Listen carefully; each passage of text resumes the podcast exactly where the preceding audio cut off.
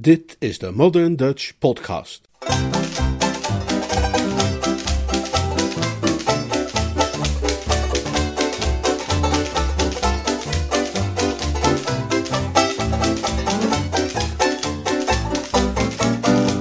De kleine Clementina. Een verhaal uit de bundel Uitstekend Jeeves door P.G. Woodhouse, vertaald en voorgelezen door Leonard Beuger.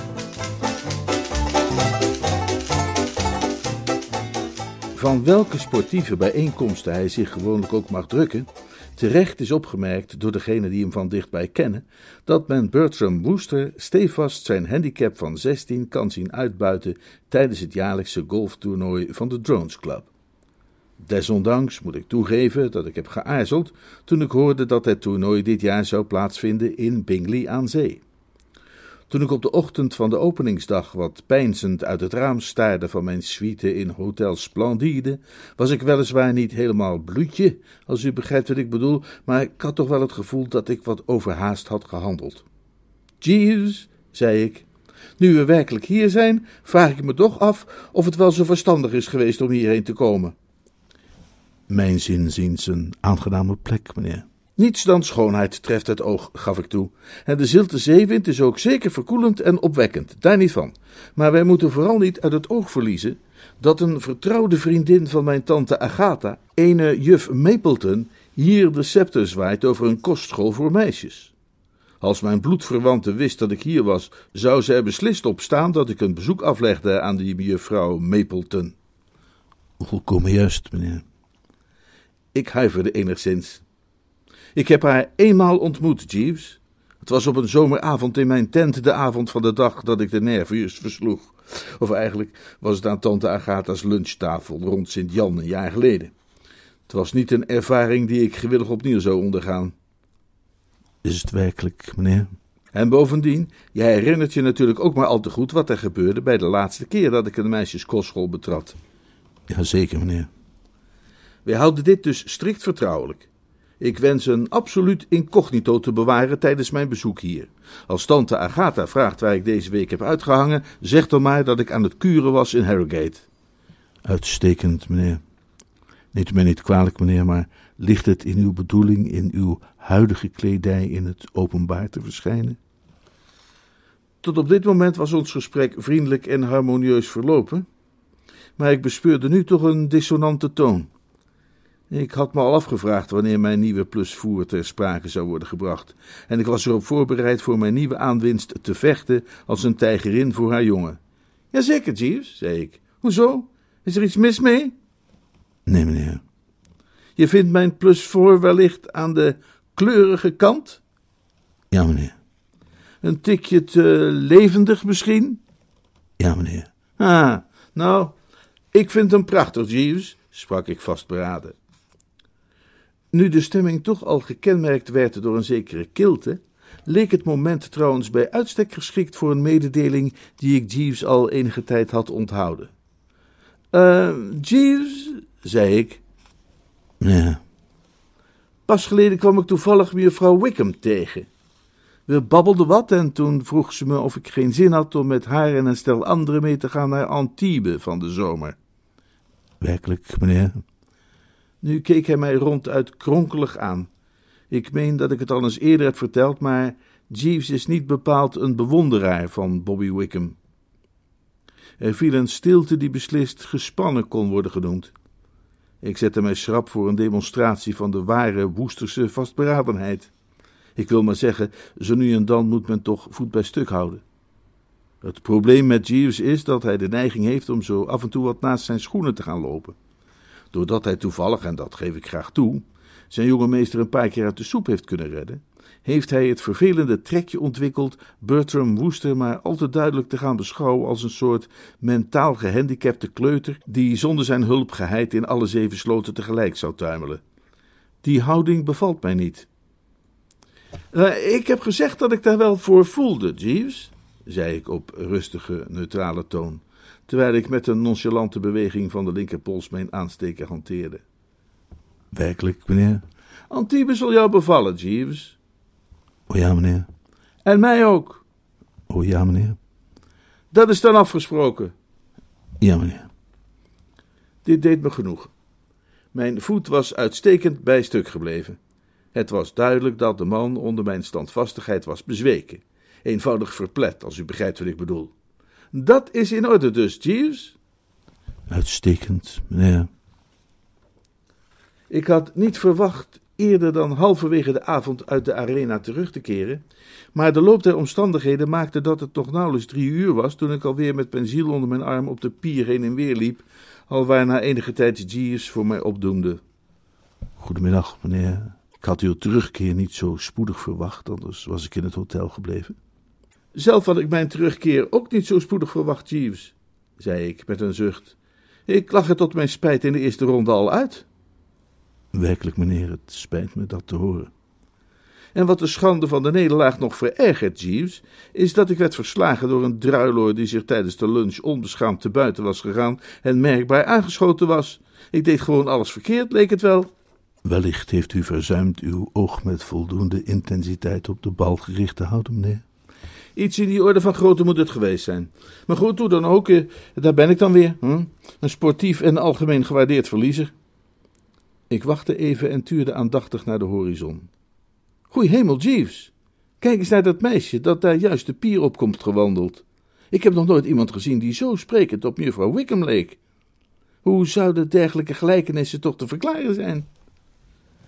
In het onderhavige geval, meneer, zou ik de overeenkomst willen toeschrijven aan het feit dat de betreffende jonge dame mevrouw Wickham is. Hè? Ja, meneer. Wellicht valt het u op dat zij op dit moment naar u wuift. Maar wat, wat doet zij in hemelsnaam hier? Ik kan het u onmogelijk zeggen, meneer. Zijn stem klonk ijzig en leek te suggereren dat wat het ook mocht zijn dat Bobby Wickham naar Bingley aan zee had gebracht, het naar zijn mening onmogelijk iets goeds kon wezen. Hij trok zich met een uitdrukking van wanhoop en vertwijfeling terug op de achtergrond, terwijl ik mijn trouwe gleufvoet afnam om terug te zwaaien. Joehoe! riep ik. Bobby kwam langs zij. Hallo, Bertie, zei ze. Ik wist niet dat jij hier was. Maar ik ben er toch, verzekerde ik haar. Uh, in de rouw? vroeg ze met een blik op mijn nieuwe pantalon. Ja, chic, vind je niet? zei ik, haar blik volgend. Afgekeurd door Jeeves, maar iedereen weet hoe bekrompen die man is als het gaat om de beenbekleding. Wat doe jij in Bingley? Mijn nichtje Clementina zit hier op school. Ze is vandaag jarig en het leek me een goed idee om even bij haar op bezoek te gaan. Ik ben net op weg naar haar toe. Logeer jij hier? Ja, in het uh, Splendide. Oh, dan mag je me daar wel uitnodigen voor het diner als je wilt. Jeeves stond achter me en ik kon hem niet zien, maar ik voelde hoe zijn waarschuwende blik bij deze woorden met een klap in mijn nek terechtkwam. Ik begreep volkomen welke gedachte hij woordloos trachtte over te brengen, namelijk dat het een tarting van het lot zou zijn met Bobby Wickham te verkeren, ook al ging dat niet verder dan samen een hapje eten. Idioot gewoon, was mijn oordeel. Met Bobby samen verstrikt te geraken in de complexe levenssituatie van een groot landhuis, waar bijna alles mogelijk is, dat is heel wat anders. Maar hoe rampspoed en verdoemenis zouden kunnen schuilen in een eenvoudige maaltijd tezamen, dat zag ik niet in. Ik negeerde de man. Oh, maar natuurlijk, vanzelfsprekend, uiteraard, allicht, zei ik. Fijn. Ik moet vanavond eigenlijk weer in Londen zijn voor de een of andere festiviteit in het Berkeley, maar het is niet zo erg als ik een beetje laat ben. Je ziet ons tegen half acht wel komen opdraven en dan kun je ons na afloop nog wel trakteren op een bioscoopje. Ons? Hoezo ons? Nou, Clementina en mij. Je bedoelt toch niet dat je van plan bent dat gruwelijke nichtje van je mee te brengen? Natuurlijk wel. Dat kind mag toch ook wel eens iets leuks hebben op haar verjaardag? En ze is helemaal niet gruwelijk trouwens. Het is een schatje. Je zult geen moment last van haar hebben. Alles wat jij hoeft te doen, is haar na afloop terug te brengen naar haar school. Dat moet zelfs jou toch nog wel lukken, is het niet? Ik richtte een scherpe blik op haar. Wat houdt dat precies in? Hoe bedoel je, wat houdt dat precies in? Nou, de laatste keer dat ik een meisjesschool ben binnengelokt, heeft de directrice mij met zieldoorborende blik ertoe geprest het verzamelde geboefte toe te spreken over idealen in ons toekomstig leven. Zal zoiets vanavond niet opnieuw gebeuren? Natuurlijk niet. Je loopt eenvoudig naar de voordeur, trekt aan de bel en schuift haar naar binnen. Ik peinsde over haar woorden. Nou ja, dat lijkt me iets dat wel te behappen is. Wat zeg jij, Jeeves? Ik neig er voorzichtig toe met u in te stemmen, meneer. De toon waarop hij sprak was koeltjes en nogal dreinerig. Ik bestudeerde zijn gezicht en ontdekte daarop een uitdrukking van: had nou maar naar mij geluisterd, die me buitengemeen irriteerde. Er zijn momenten waarop Jeeves sprekend doet denken aan een tante. Goed, zei ik, en ik negeerde hem opnieuw, deze keer met een bijzondere nadruk bovendien. Dan verwacht ik je dus om half acht. Maak dat je op tijd bent en zorg ervoor, voegde ik eraan toe, puur om haar te laten zien dat achter mijn glimlach een persoonlijkheidsschuil ging van onbuigzaam staal, dat dat kind haar handen heeft gewassen en niet de hele tijd haar neus zit op te halen. Ik beken dat ik met weinig vreugde had uitgekeken naar een gezellig avondje met Bobby Wickham's nichtje Clementina, maar ik moet toegeven dat het kind een stuk erger had kunnen zijn. Jonge meisjes hebben, naar ik heb opgemerkt, over het algemeen de gewoonte in hevige giechel los te barsten zodra ze mij ontwaren. Ze lachen me stilletjes uit en staren me aan. Telkens als ik opkijk, blijkt hun ongelovige blik aan mij gehecht, als het ware vervuld van de uitdrukking: Bestaat dit echt? Ik verdenk er altijd van op dat moment bezig te zijn allerlei kleine bijzonderheden van mijn uiterlijk in zich op te nemen, met de bedoeling die later te kunnen reproduceren tot joelend vermaak van hun klasgenootjes. Maar bij de kleine Clementina viel van dit alles niets te bespeuren. Het was een stil, vroomachtig kind van een jaar of dertien, ja, eigenlijk gezien het feit dat het haar verjaardag was, zelfs precies dertien, en haar blik verried slechts stille bewondering.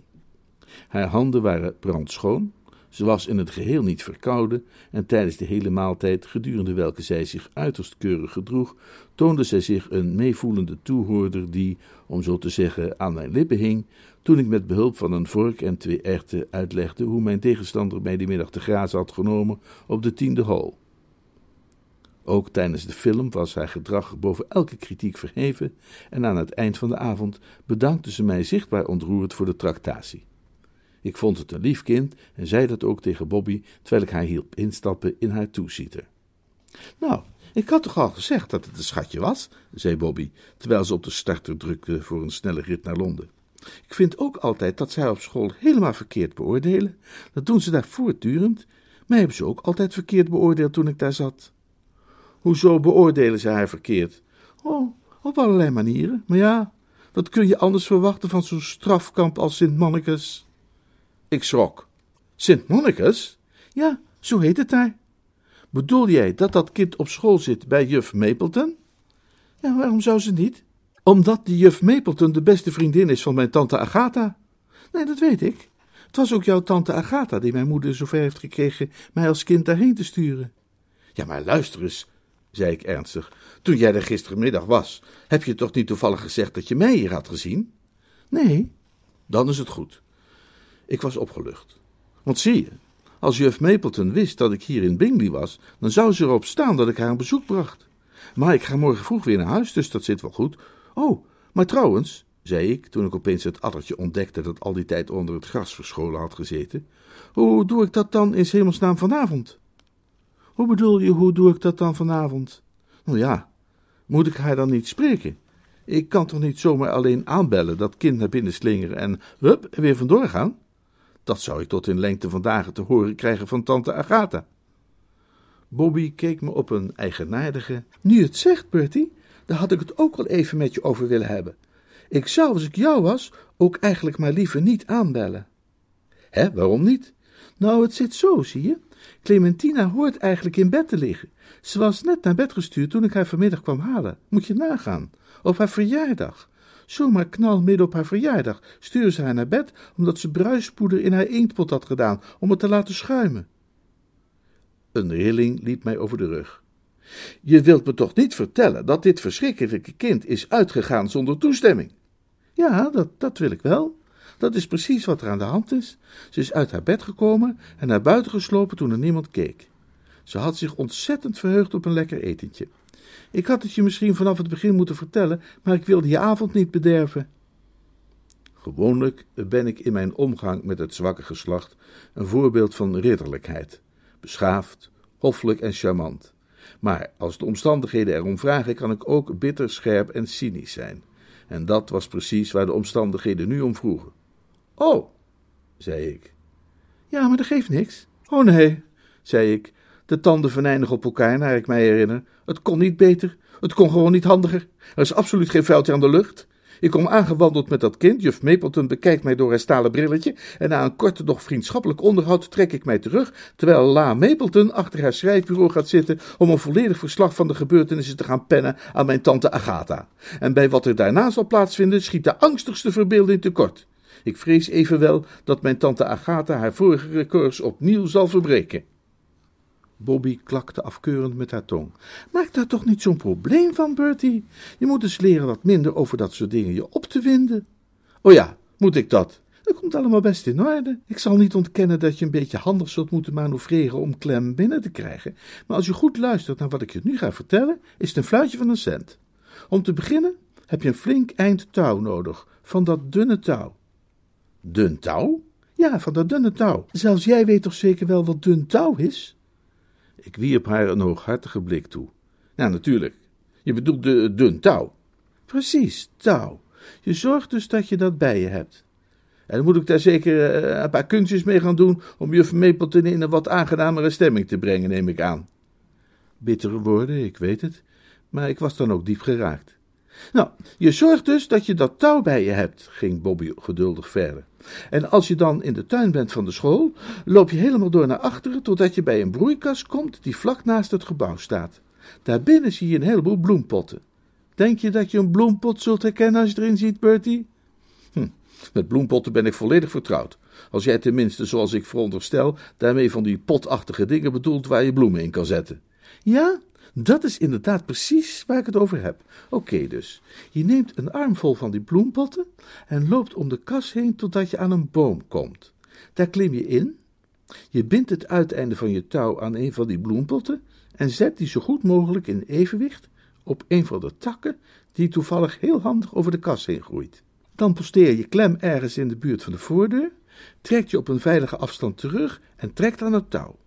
De bloempot valt naar beneden en breekt een ruit in het gebouw hoort iemand het lawaai en komt naar buiten om te kijken wat er aan de hand is. En terwijl de deur open staat en er niemand in de buurt is, glipt Klem naar binnen, hup de trap op en naar bed. Maar als er nu niemand naar buiten komt, dan herhaal je de hele procedure met de volgende pot.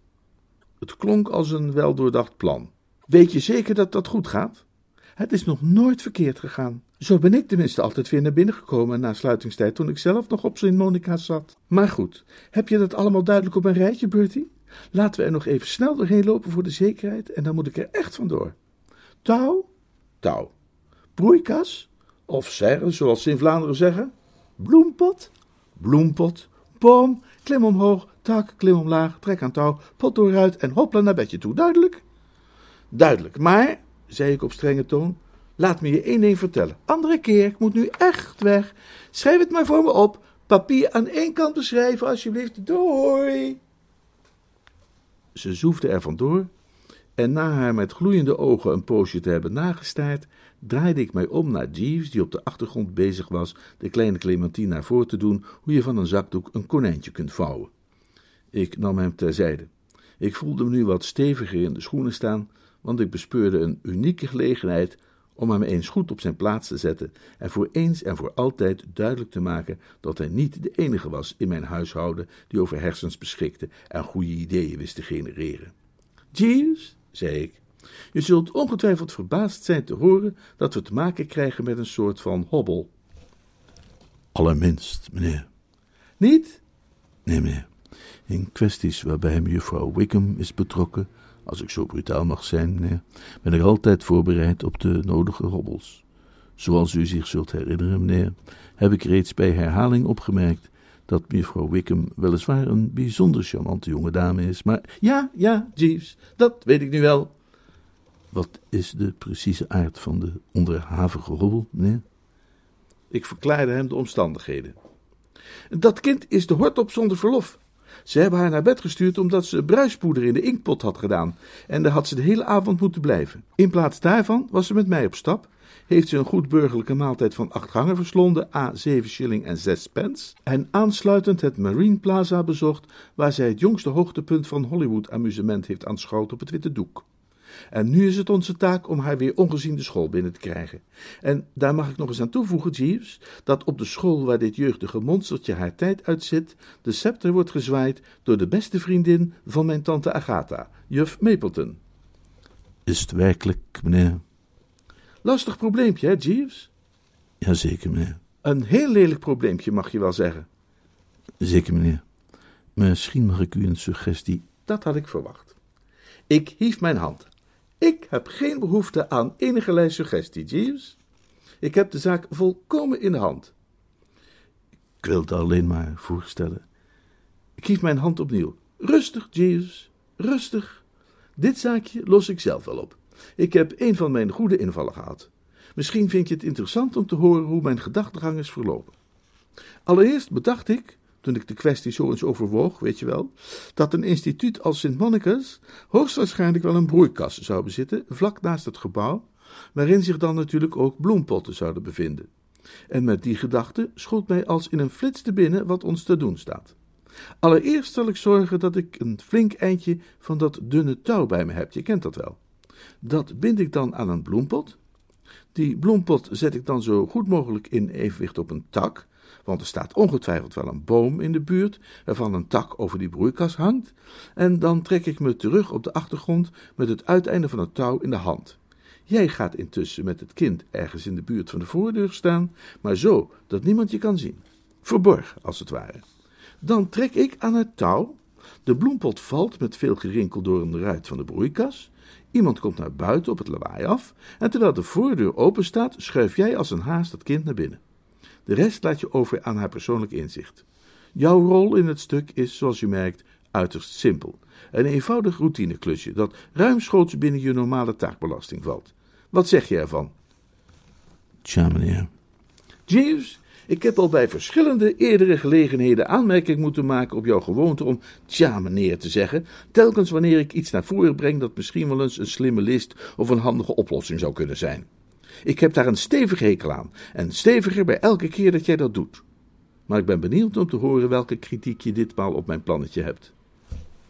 Ik was uitsluitend van zins, meneer, om als mijn mening te kennen te geven dat uw plan misschien een tikje bewerkelijk is.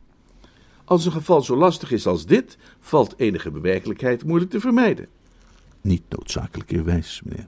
Het alternatieve plan dat ik u zou willen voorstellen. Ik legde de man het zwijgen op. Er is geen behoefte aan alternatieve plannen, Jeeves. We volgen de procedure die ik zojuist heb uitgestippeld. Ik geef je tien minuten voorsprong. Dat geeft jou ampel tijd om je positie in te nemen bij de voordeur en mij om het touw in gereedheid te brengen. En na die tien minuten zorg ik voor al het lastige werk. Geen tegenspraak dus. Actie, Jeeves. Uitstekend, meneer. Ik voelde me jolig genoeg toen ik de heuvel beklom waarop Sint Mannekes is gevestigd, en beslist niet minder tierig toen ik het grote hek openduwde en de in duister gehulde tuin betrad. Maar, juist toen ik het brede gazon wilde oversteken, overviel mij het wonderlijke gevoel dat mijn complete gebeente plotseling op geheimzinnige wijze verwijderd was en vervangen door een substantie met de glibberige structuur van pasta al dente, en niet eens meer zo heel erg al dente. Ik bleef staan. Ik weet niet of u ooit de ervaring hebt gehad ergens opgewekt en vol goede moed aan te zijn begonnen, en zelfs met een zekere uitbundigheid, als dat de uitdrukking is die ik zoek, om dan opeens zonder de minste waarschuwing te vervallen in het tegendeel, alsof er iemand een knop heeft omgedraaid. Dat was wat mij op dit ogenblik overkwam. En het was een knap vervelende ervaring. Min of meer alsof je in zo'n supersnelle lift bent gestapt op de bovenste verdieping van een New Yorkse wolkenkrabber en ter hoogte van de 27e verdieping tot de ontdekking komt dat je je complete ingewanden op de 32e hebt achtergelaten en dat het nu te laat is om te stoppen en ze nog even op te halen. De waarheid trof me als een koude sneeuwbal in de nek. Ik realiseerde me dat ik een behoorlijk scheutje te impulsief was geweest. Enkel en alleen om Jeeves op zijn nummer te kunnen zetten, had ik mij een van de ongetwijfeld heftigste beproevingen uit een mensenleven op de hals gehaald. En hoe dichter ik het schoolgebouw naderde, hoe meer het me speet dat ik zelfs te hooghartig was geweest om de man eenvoudig uit te laten spreken toen hij mij zijn alternatieve plan wilde voorleggen. Ik had nu het gevoel dat een alternatief plan precies was wat ik nodig had, en hoe alternatiever, hoe beter eigenlijk. Op dat moment had ik de deur van de kas bereikt en enkele tellen later stond ik binnen, bezig een armvol bloempotten te verzamelen, en vervolgens op naar de boom onder de woordeloze uitroep: Ik val aan, volg mij. Ik moet toegeven dat de betreffende boom daar speciaal voor dit doel geplant had kunnen zijn. Mijn opvattingen over activiteiten als het slingeren van tak naar tak in een tuin die toebehoort aan de beste vriendin van mijn tante Agatha, bleven in brede, meer algemene zin weliswaar ongewijzigd, maar het valt niet te ontkennen dat als dat dan toch gebeuren moest, dit de boom was om het in te doen. Het was een soort van ceder, en nog voor ik wist hoe ik het had, troonde ik al hoog en droog in hemelse sferen, de sterren recht boven mij en het glanzende dak van de kas recht onder. Ik hield de bloempot voorzichtig in evenwicht op mijn knie en begon het touw eraan vast te binden. En, onder het binden, concentreerde mijn gedachten zich op nogal melancholische wijze op het onderwerp de vrouw als mens. Mijn zenuwgestel stond op dat moment natuurlijk onder een aanzienlijke spanning en in retrospect moet ik bekennen dat mijn oordeel misschien wel wat hard was, maar in die duistere, wankele stonden had ik echt even het gevoel dat, hoe je het ook wendde of keerde, de filosofisch georiënteerde mens, hoe meer hij met vrouwen in aanraking kwam, niet anders kon dan er in toenemende mate verbijsterd over raken dat een dergelijk geslacht ooit toegestaan kon zijn de aarde te verknoeien en te bederven. Vrouwen deugden naar mijn oordeel eenvoudig niet. Neem nu bijvoorbeeld de vrouwen die in de onderhavige kwestie betrokken waren. Allereerst mijn tante Agatha, beter bekend als de plaag van Pont Street, de mensgeworden bijtschildpad.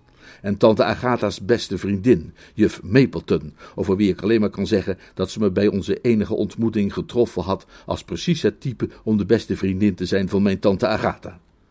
Verder Bobby Wickham, een meisje dat zonder blikken of blozen de zuiveren van hart dorst te verleiden tot het soort van twijfelachtige activiteiten als waar ik op dat moment zo diepgaand in verwikkeld was geraakt.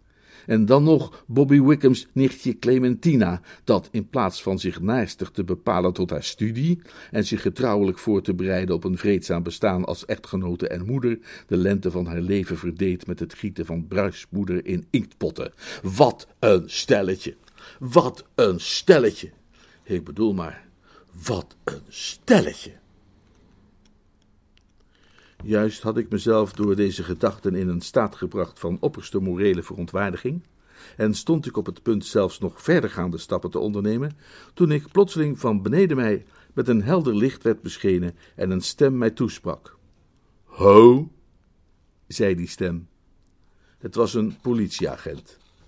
Afgezien van het feit dat hij een zaklantaarn bij zich droeg, wist ik dat het een politieman moest zijn vanwege die uitspraak ho. Ik weet niet of u het zich herinnert dat ik u wel eens heb verteld over die keer dat ik had ingebroken bij Bingo Little om de dictafoonopname te pikken van het zompige artikel dat zijn vrouw over hem geschreven had, en hoe ik toen bij het weer naar buiten klauteren via het raam van de studeerkamer rechtstreeks in de armen was geklauterd van Herman dat? Hm. Bij die gelegenheid had de betreffende dienaar de wet ook ho gezegd, en was hij dat tijdens ons hele samenzijn eigenlijk blijven doen. Kennelijk wordt dat de Engelse politieagenten zo geleerd tijdens hun opleiding. Het is natuurlijk ook helemaal geen slechte manier om de conversatie te openen in het soort van omstandigheden waaronder politieagenten over het algemeen hun gespreksgenoten ontmoeten. Kom jij maar eens fijn naar beneden, mannetje, zei hij. Ik klom naar beneden. Ik had de bloempot juist in evenwicht weten te krijgen op zijn tak, en ik liet hem daar staan, enigszins met het gevoel alsof ik het tijdmechanisme van een bom had ingeschakeld. Het leek me immers dat er nogal veel afhing van de mate van evenwicht en stabiliteit waarmee die pot was gepositioneerd. Als hij bleef staan, zou ik mij door middel van een luchtige en quasi-nonchalante houding misschien nog wel uit deze precaire situatie kunnen redden. Maar als hij viel, zou een en ander een stuk lastiger te verklaren worden. Ja, zelfs zoals het nu was, kon ik eigenlijk zo gauw geen verklaring bedenken die werkelijk ook een beetje plausibel zou klinken. Maar goed, ik, ik deed een poging. Zo, uh, agent, zei ik. Het klonk nogal zwak. Ik zei het nog maar een keer, ditmaal met de nadruk op zo. Dat klonk nog zwakker. Ik zag in dat Bartram met iets boeienders zou moeten komen.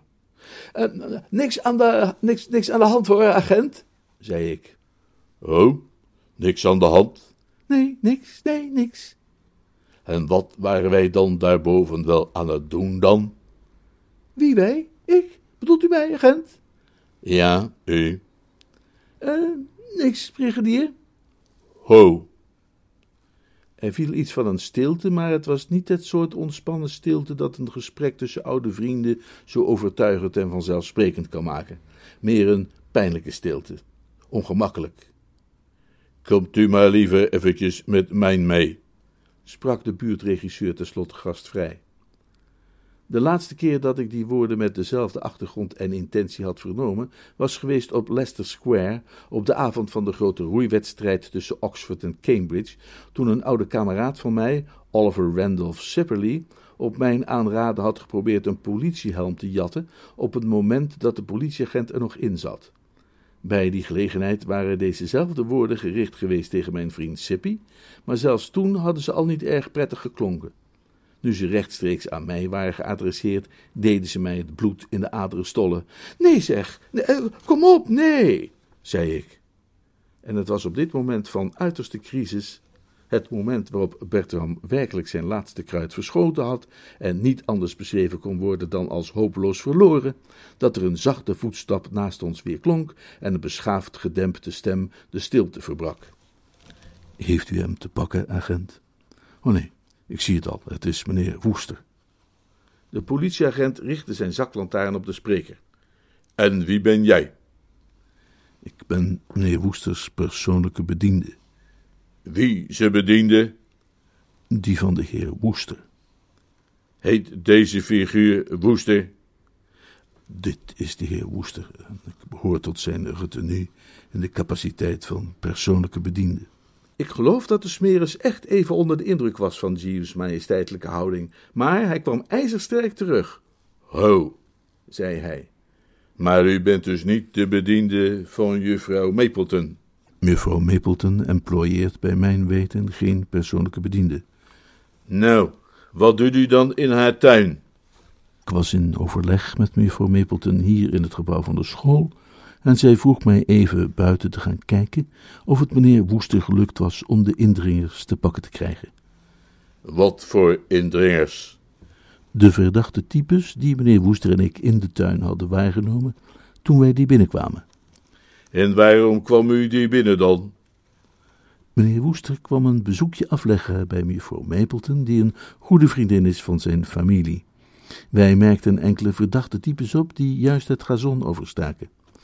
Nadat wij deze verdachte types hadden waargenomen, zond meneer Woester mij vooruit om juffrouw Mapleton op de hoogte te brengen en gerust te stellen, terwijl hij zelf in de tuin achterbleef om een nader onderzoek in te stellen. Ik vond hem hier in een boom. Indien meneer Woester zich in een boom bevond, had hij daarvoor ongetwijfeld voortreffelijke redenen, en kan dat niet anders zijn geweest dan in het beste belang van mevrouw Mapleton. De politieman dacht na. Ho, zei hij tenslotte. Nou, als je weten wilt wat ik ervan denk, ik geloof er geen woord van. Op het bureau werden we opgebeld dat er iemand rondsloop in mevrouw Mapleton de tuin, en toen ik hier aankwam, vond ik deze kerel in een boom. Volgens mij proberen jullie mij te belaattafelen, en ik neem jullie dus gewoon even mee naar binnen om te zien of de juffrouw jullie kan identificeren. Jeeves neeg minzaam het hoofd. Ik zal u met alle soorten van genoegen vergezellen, meneer de agent, wanneer u dat wenst. En ik ben ervan overtuigd dat ik in deze mede namens de heer Woester mag spreken. Ook hij is er, naar mijn stellig oordeel, geen zins op uit u ook maar een strobreed in de weg te leggen bij het ten uitvoer brengen van uw plannen. Wanneer u overweegt dat de heer Woester door de omstandigheden in een situatie is geplaatst die voor hem uiterst belastend of zelfs compromitterend mag worden genoemd, dan zult u begrijpen dat hij maar al te graag zou willen meewerken aan een waarheidsvinding op de kortst mogelijke termijn. Ho. Agent. Zo kent u wel weer. Zoals u wilt, agent. Omdraaien die knop en meekomen. Uitstekend, agent. Ik moet zeggen dat ik wel eens uh, aan een plezierige plechtigheid heb deelgenomen dan aan deze optocht richting voordeur. Ik vreesde dat het noodlot mij in zijn greep hield, om het zo maar eens te zeggen. En ik vond het bitter dat een dappere reddingspoging als die van Jeeves, een slimme ingrepen op het juiste tijdstip, schipbreuk had moeten leiden. Zelfs in mijn oren had zijn verhaal af en toe geklonken alsof het de waarheid was, en het was voor mij een hele teleurstelling dat de man met de lantaarn er niet blindelings ingetrapt was.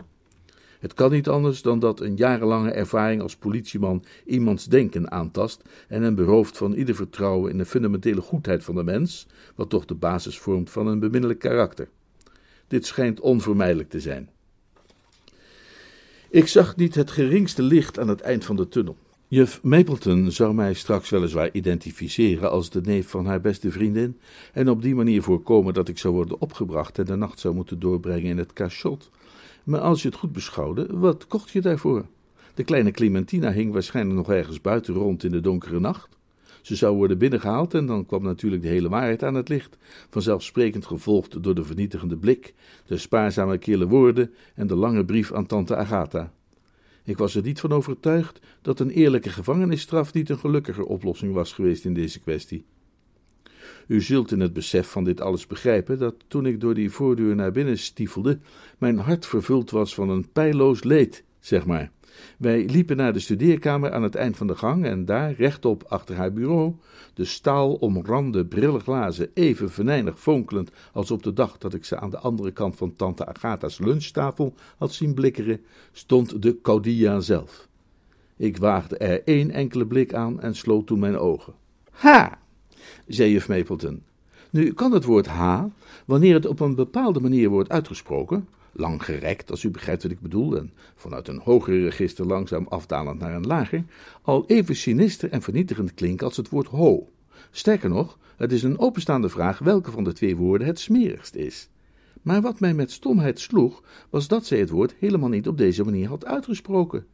Tenzij mijn oren mij hadden bedrogen, had dit ha geklonken als een hartelijk ha, een vriendschappelijk ha, het ha van twee oude jongens onder elkaar. En zo verrassend was dit voor mij, dat ik alle voorzichtigheidsmaatregelen uit het oog verloor en zowaar een tweede blik op haar durfde werpen. Een kreet stierf op mijn lippen. De angstaanjagende gestalte die voor mij stond, was qua fysieke verschijning niet bijzonder groot uitgevallen. Ik bedoel, ze torende niet boven mij uit of zo. Maar ter compensatie van het gebrek aan centimeters bezat zij in aanzienlijke mate het soort houding dat maar al te duidelijk maakt dat er geen enkele flauwekul zal worden getolereerd, zoals dames die aan het hoofd staan van kostscholen als per definitie lijken te bezitten. Hetzelfde had ik in statu pupillari opgemerkt bij mijn oude bovenmeester, wiens blik alleen al telkens had volstaan om mij alles te doen bekennen.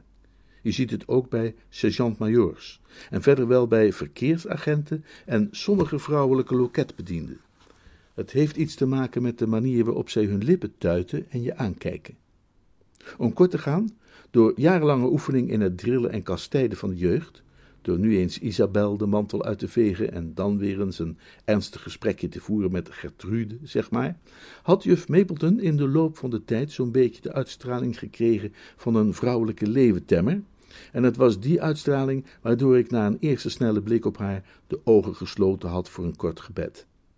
Bij mijn tweede blik echter was haar uitstraling, hoewel nog altijd die van een leeuwentemmer, verrassenderwijs veranderd in die van een vriendelijke leeuwentemmer, een hartelijke leeuwentemmer, een leeuwentemmer die, na de beesten eens lekker te hebben ingestopt en een verhaaltje voorgelezen, zelf tenslotte ook wat ontspanning zoekt in het gezelschap van gelijkgestemden. Ach, u heeft ze dus niet kunnen vinden, meneer Woester? zei ze, dat spijt mij. Maar ik ben daarom niet minder dankbaar voor de moeite die u heeft willen nemen, en ik bewonder uw moed. Ik moet zeggen dat u zich voortreffelijk heeft gedragen. Ik voelde hoe mijn mond zich krachteloos opende, terwijl mijn stembanden kleine krampachtige bewegingen maakten, maar het lukte mij niet iets te zeggen. Ik kon haar gedachtegang eenvoudig niet volgen. Ik was verbaasd, verbijsterd. Ik stond compleet versteld, eigenlijk. De geuniformeerde Cerberus naast me produceerde een soort zacht klagend gejank, zo'n beetje als een wolf die zich zijn Russische boer ziet ontgaan. Kent u deze man uh, identificeren, mevrouw? Identificeren? Hoezo? Identificeren? Jeeves mengde zich in de discussie. Ik kreeg de indruk, mevrouw, dat de agent hier veronderstelt dat de heer Woester met onwettige doeleinden in uw tuin verbleef. Ik heb me ervan op de hoogte gesteld dat de heer Woester de neef is van uw vriendin, mevrouw Spencer Gregson, maar hij weigerde mijn woorden voor waar aan te nemen. Het bleef even stil. Juf Mapleton staarde de dienaar de wet een ogenblik aan alsof ze hem betrapt had op het stoepen van zuurtjes tijdens de godsdienstles. Je gaat me toch niet vertellen, agent, zei ze met een stemgeluid dat hem pijnlijk trof vlak onder de derde knoop van zijn uniformjas en helemaal doortrok tot in de wervelkolom, dat jij zo stupide geweest bent de heer Woester voor een inbreker aan te zien. Hij zat in een boom, mevrouw. En waarom zou hij niet in een boom zitten? Ongetwijfeld had u de beste bedoelingen bij het beklimmen van die boom, is het niet, meneer Woester? Daar kon ik wel antwoord op geven. De ergste schok was achter de rug en mijn gewone koelbloedigheid begon weer langzaam terug te keren. Oh, uh, ja, tuurlijk, vanzelf, zeker, zeker, reken maar, zei ik, om beter te kunnen zien. Uh, uh, verder, D dat is het eigenlijk in een notendop, als het ware. Ik ben zo vrij geweest daar tegenover deze agent al even op te wijzen, mevrouw maar hij wees die theorie volledig van de hand. Die agent is niet goed snik, zei juf Mapleton. Heel even leek het erop alsof ze hem een stevige tik op zijn vingers zou gaan geven met een liniaal. En nu hebben die schurken natuurlijk, dankzij zijn verregaande stupiditeit, al lang de benen genomen. En daar betalen wij dan onze kostbare belastingcentjes voor. Verschrikkelijk, zei ik. Ongehoord! Het is gewoon een schande. Een grof schandaal! Niet te filmen, stemde ik met haar in. Kortom, wij begonnen juist iets te krijgen van een koppel tortelduifjes, toen er door het open raam plotseling een schier oorverdovend geluid naar binnen waaide. Ik ben nooit zo erg goed geweest in het beschrijven van dingen. Op school moesten wij vaak opstellen maken en de beoordeling daarvan in mijn rapport uh, luidde doorgaans: toont weinig talent, maar doet zijn best, of woorden van gelijke strekking. Het is waar dat ik dankzij Jeeves mijn vocabulaire in de loop van de jaren aanzienlijk heb kunnen uitbreiden, maar desondanks schieten mijn literaire vermogens nog altijd ruimschoots tekort om u in woorden een ook maar enigszins betrouwbaar beeld te kunnen schilderen van het buitengemeen heftige geraas dat er daarbuiten weer klonk. Probeert u zich zoiets voor te stellen als de Albert Hall, die met een smak terechtkomt op het Crystal Palace. Dan heeft u zo'n beetje een indruk.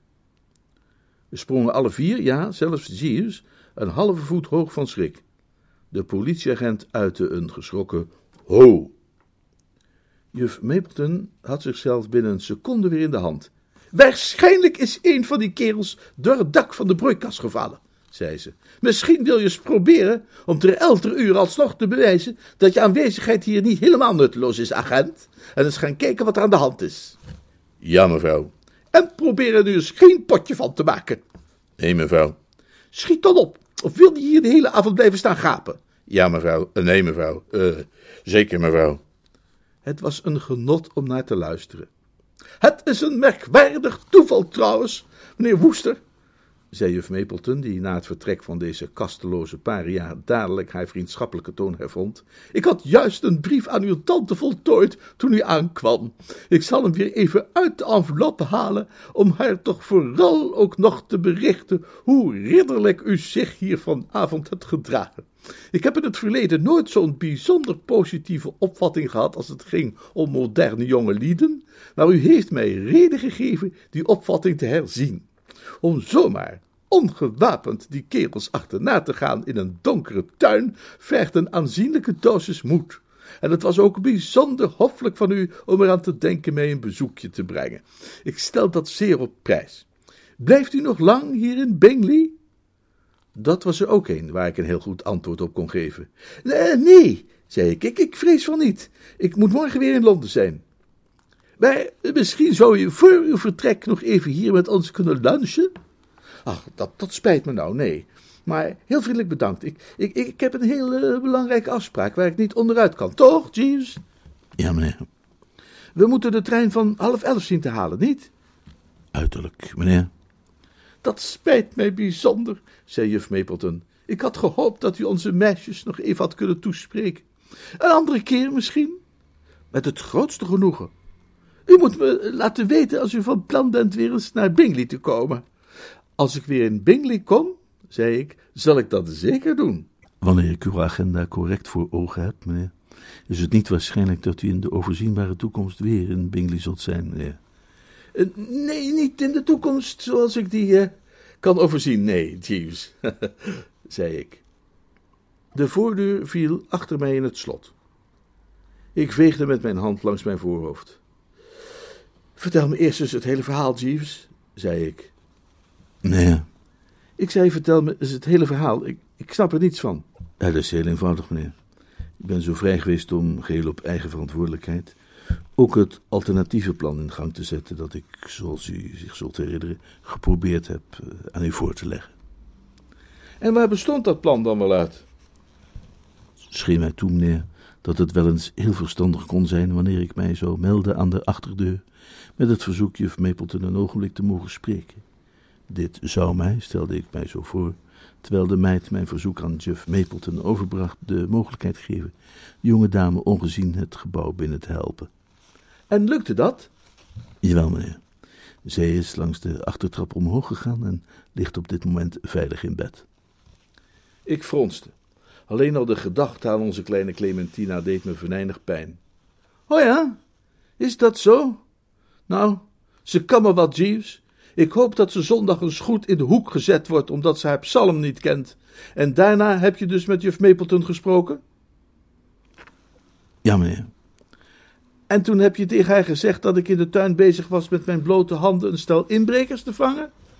Ja, meneer. En dat ik op weg was geweest om haar een bezoekje te brengen? Ja, meneer. En op dit moment is ze dus een PSje toe aan het voegen aan haar brief aan tante Agatha, waarin ze mij met lof overlaat? Ja, meneer. Ik haalde diep adem. Het was helaas te donker om te kunnen zien hoe bovenmenselijke intelligentie op dit moment in stromen van zijn gezicht moest druipen. Ik deed een poging, maar het lukte niet. Jeeves, zei ik, ik had van meet af aan jouw raad moeten opvolgen. Het had u wellicht innig voorbijgaand ongemak bespaard, meneer. En niet alleen ongemak. Toen die lantaarn plotseling vanuit het duister op mij werd gericht, Jeeves, net toen ik die bloempot op zijn plaats had. Ik had het gevoel alsof mij het hart levend uit de borst werd gerukt, Jeeves. Nee, Dat tochtje naar Antibes gaat niet door. ik ben blij het te horen, meneer. Als die Bobby Wickham me in een rustig dorpje als Bingley aan Zee al in dit soort ellende verzeild kan doen raken, wat zal ze dan niet voor elkaar kunnen krijgen in een uitgesproken levendig vakantieoord als Antibes? Precies, meneer. Hoewel mevrouw Wickham, zoals ik al eens eerder gezegd heb, een bijzonder charmante jonge Ja, ja, ja, Jeeves, dat hoef je me niet langer in te wrijven. De woesterse ogen zijn definitief geopend. Ik aarzelde. Jeeves, Meneer, die plus voor, ja, meneer. die kun je aan de armen geven. Dank u zeer, meneer. Ik zuchtte. Het is met bloedend hart, Jeeves. Ik besef welk offer u brengt, meneer, en stel het zeer op prijs. Wanneer het eerste leed van de scheiding voorbij is echter, zult u zich ongetwijfeld verlost voelen. Denk je dat heus? Ik ben ervan overtuigd, meneer. Zo zei het dan maar, Jeeves, zei ik. Zo zei het.